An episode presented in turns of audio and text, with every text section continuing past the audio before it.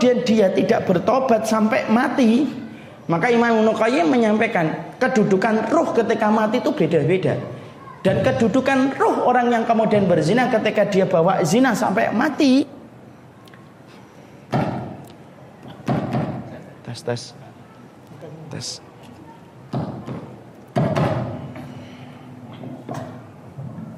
Tes tes. Mungkin miknya takut dengar kata rajam. Mik aja takut, manusia nggak takut coba, masya Allah. Sampai mana tadi? Maka ketika kita mendapati Imam Ibnu menempatkan setiap orang ketika dia melakukan zina kok tidak bertobat sampai mati, maka kata Imam Ibnu dia ditaruh di dalam tanur. Tanur itu periuk raksasa yang Allah kumpulkan para zunat. Zunat itu bentuk plural dari para pezina. Di situ dididihkan oleh Allah dari panas bumi, terus itu kemudian akan dipanaskan dan dirasakan sakitnya sampai hari kiamat itu ditegakkan. Kenapa? Saking bencinya Allah kepada perilaku zina kalau sampai dia tidak bertobat dibawa sampai mati. Itu zina, akhi. Tidak main-main masalah perzinahan itu. Makanya sampai-sampai kalau kemudian kita perhatikan ikhwan, zina itu termasuk salah satu dosa yang apabila kita sudah bertobat, jejak perbuatan zina apabila meninggalkan janin sampai kemudian orang berzina sampai mengandung itu wanita yang dia zinai, Walaupun kita bertaubat, jejak dari perbuatan itu tidak dihapuskan dan masih dikasih oleh Allah hukuman. Apa itu hukumannya? Saya ambilkan contoh. A zina dengan B mengandung C. C lahir sebelum terjadinya ijab kabul atau kemudian dia terbentuk sebelum terjadinya perkawinan. C ini tidak bisa nasab kepada A. Tidak bisa disebut C binti A mati, tidak bisa mewariskan C. C mati, tidak bisa mewariskan A. Dan nanti ketika C mau nikah, tidak bisa dinikahkan. Walaupun kemudian A sama B sudah bertobat dengan tobatan nasoha, jejak perbuatan itu kalau sampai meninggalkan bekas yaitu adanya anak yang mereka dapatkan dari kasus perzinahan, maka konsekuensinya sampai sejauh itu. Dan anak tidak bisa disebut dengan anak bin A tetapi anaknya bernasab kepada tempat tidur yang terjadinya perzinahan. Anaknya sih tidak salah. Anaknya tidak salah. Itu disebut dalam bahasa fikih waladul lil. Anak dari tempat tidur. Anaknya tidak salah. Antum jangan nyalin anaknya. Anaknya tidak salah. Yang salah orang tuanya. Yang salah orang tuanya. Makanya sepanjang itu.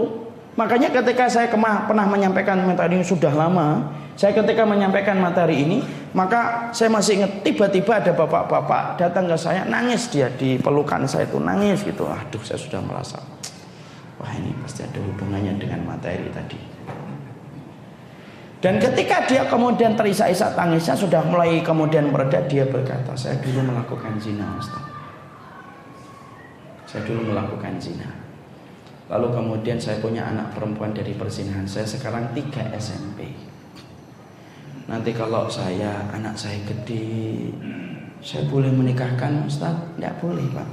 Saya sudah tobat Ustaz. Iya. Istri saya sudah tobat, sudah pakai hijab sekarang solihah. Iya. Tapi anak bapak yang tiga SMP tadi terbentuknya setelah bapak ijab kabul atau sebelum ijab kabul? Sebelum ijab kabul.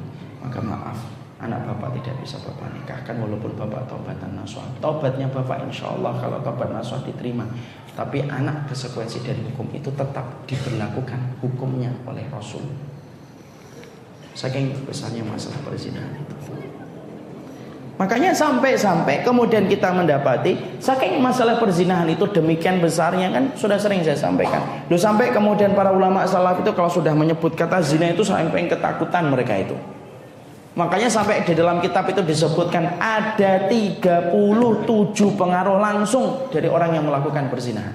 Pengaruh buruknya langsung dia dapatkan. Makanya sampai kemudian Imam Syafi'i itu sampai berkata ketika beliau itu gemeter beliau-beliau, "Icaku mina zina." Lu kalian itu takutlah sama zina itu. Karena tidaklah orang itu sampai berzina, kemudian dia masuk ke dalam satu rumah, lalu kemudian di dalam rumah itu ada istilahnya itu tikus maka tikus pun akan mendapatkan laknat dari orang yang ada ketika satu atap dengan orang yang berzina ketika orang yang berzina tidak bertobat. Coba bayangkan. Tikusnya kata Imam Syafi'i pun akan mendapatkan laknat kalau orang yang berzina itu tidak bertobat. Itu penggambaran sampai kemudian betapa pengaruh buruk yang dilakukan dari perzinahan itu.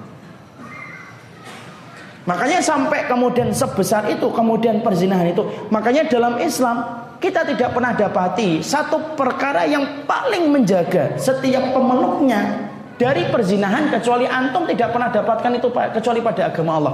Makanya sampai kita dapati aturan agama Allah itu kalau sudah mengatur hubungan laki-laki dan perempuan yang paling detail itu Islam. Bagaimana laki-laki dan perempuan bicara, bagaimana cara memandang, bagaimana cara berjalan, Bukan hanya kemudian meletakkan setiap syariat yang menutup celah terjadinya perzinahan sampai Allah pun menjadikan syariat pernikahan itu digampangkan dan dimudahkan. Kenapa? Karena semangatnya Islam menutup kasus perzinahan, menutup segala macam perzinahan supaya tidak terjadi pada kehidupan umat ketika beriman kepada Allah. Sampai digampangkan nikah. Makanya antum dapat nikah kan apa? Ijab kabul, mahar, saksi, wali. Selesai. Ijab kabulnya aja cuma setengah menit akhi.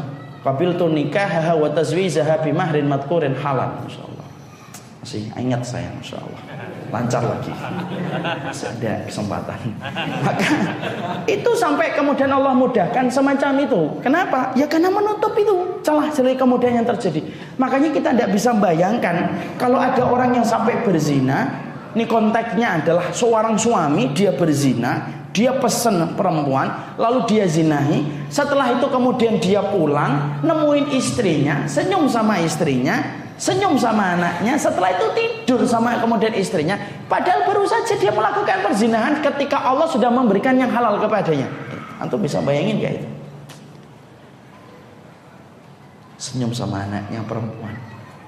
Gimana nak urusanmu SMP ini sekarang kelas 3? Perempuan, padahal dia baru menzinai orang lain. Kita bisa nggak bayangkan ikhwan, kalau antum punya anak perempuan, saya punya anak perempuan, waliyadzubillah supaya Allah jaga semua anak perempuan.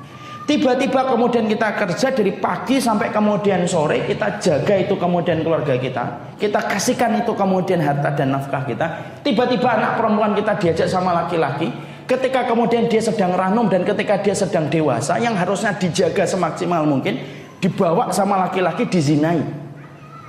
Lalu setelah itu ditinggalkan ketika laki-laki itu mendapatkan yang lainnya. Coba. Apa ada hancur-hancuran itu nasib kita di hadapan Allah itu? Kerja dari jam 7 pagi sampai jam 7 malam. Sampai rumah jam 9 malam. Tidak sempat makan malam coba. Hanya untuk mencukupi anak-anaknya. Anak-anaknya dizinai sama orang lain coba. Itu apa nggak remuk kita sebagai seorang ayah itu? Baru di dunia, belum lagi nanti di akhirat ditanya sama Allah. Lo diinterogasi sama Allah dalam perbuatan zina Allah itu benci. Nah, kita bisa bayangkan hisapnya kayak apa? Wong zina itu dibenci oleh Allah kok. Lo hisapnya terus kayak gimana? Wong diinterogasi polisi aja kita gemeter kok. Di hadapan Allah kita akan ditanya kembali, lu anak perempuanmu dizinai orang, lu anak laki-lakimu menzinai orang. Dibiarkan oleh Allah. Lo urusan 100 perak di kantong aja ditanya apalagi urusan rahim yang tumpah dengan air yang najis. Tidak mungkin dilewatkan oleh Allah. Itu pasti akan ditanya oleh Allah. Dan pertanyaan itu detail. Karena itu perbuatan murka yang Allah benci dalam kehidupan manusia. Ketika mendapatkan aliran kenikmatan dalam perkara yang haram. Coba kita bayangkan ibu-ibu ngandung anak perempuannya lahir. Kemudian diambil ingusnya, disedot kalau nggak keluar disapih, kemudian susunya dibersihkan kotorannya, dewasa, diambil orang, dizinai orang. Ini nggak remuk kita sebagai seorang orang tua itu. Mana ada orang yang kemudian mau itu? Makanya karena fitrahnya manusia itu tidak ada yang suka kalau anggota keluarganya itu dizinai. Makanya Allah letakkan itu fondasi yang sangat penting dalam perzinahan itu supaya jangan sampai kemudian kita jatuh dalam perbuatan zina itu. Makanya Nabi itu pernah didatangi oleh seseorang ngomong kepada Nabi, "Eh Muhammad, dia belum masuk Islam. Makanya manggilnya Muhammad. Eh Muhammad, saya ingin masuk Islam. Tapi satu syarat, syaratnya apa? Syaratnya adalah saya diizinkan berzina. Saya akan sholat, saya akan puasa, saya lakukan semuanya. Cuma satu aja izinkan saya berzina karena tidak ada perkara yang paling aku senangi di atas muka bumi ini kecuali zina. Rasulullah kemudian tidak marah, lembut Rasulullah, tapi kata-katanya pemilihannya luar biasa. Sini. Kamu punya putri? Punya. Punya saudari perempuan? Punya. Sekarang bagaimana pendapatmu kalau anak perempuanmu saudari perempuanmu di sini sama laki-laki. Oh, saya kejar laki-laki itu, saya penggal kepalanya. Nabi kemudian berkata, sebagaimana kamu tidak ridho putrimu, saudari perempuanmu, kamu zinai, orang lain pun tidak ridho kalau saudari mereka, anak perempuan mereka, kamu zinai. Langsung digenggam tangan Rasulullah berkata, Asyhadu alla ilaha illallah wa anna Muhammad Rasulullah. Lalu dia berkata, sebelum ketemu Nabi Muhammad Rasulullah, tidak ada perkara yang paling aku cintai kecuali adalah zina.